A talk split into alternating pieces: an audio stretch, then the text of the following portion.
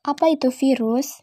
Virus adalah mikroorganisme yang tidak dapat dilihat dengan menggunakan mikroskop biasa. Bagaimana strukturnya?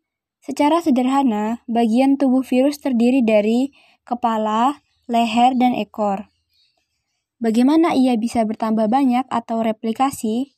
Virus bertambah banyak karena virus melakukan replikasi dalam sel inang. Untuk replikasi virus hanya memerlukan asam nukleat. Materi yang diperlukan untuk sintesis protein virus berasal dari sel inang.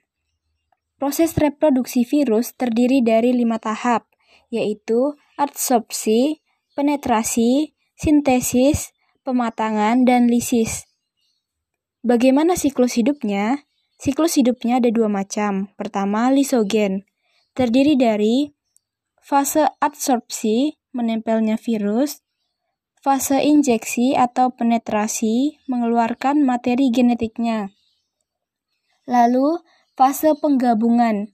Materi genetiknya bergabung dengan bakteri. Fase pembelahan diri. Materi genetiknya membelah diri. Lalu, profek.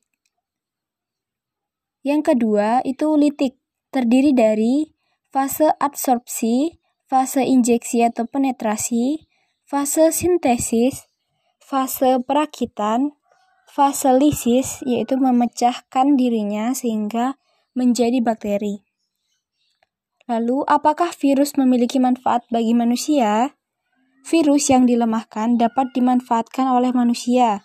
Contohnya, untuk vaksin, untuk antibakterial, karena dapat membunuh bakteri. Lalu sebagai bahan pembuatan insulin juga bisa sebagai antibodi dalam serum darah. Lalu apa sih COVID-19?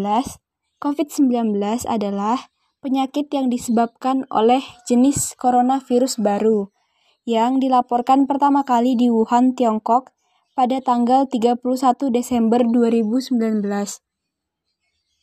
Kira-kira kapan pandemi COVID-19 akan selesai? Menurut saya, pandemik COVID-19 akan selesai tahun 2021 karena vaksin mungkin baru bisa tersedia dalam waktu kurang lebih 18 bulan. 10 atau selanjutnya, menurut kalian apa solusi terbaik menghadapi pandemi COVID-19? Sementara ini, cara terbaik menghadapi pandemi COVID-19 adalah melakukan tindakan pencegahan, yaitu Sering cuci tangan pakai sabun dan air mengalir. Hindari menyentuh muka. Usahakan tidak keluar rumah. Melakukan social distancing, memakai masker, dan jaga kesehatan.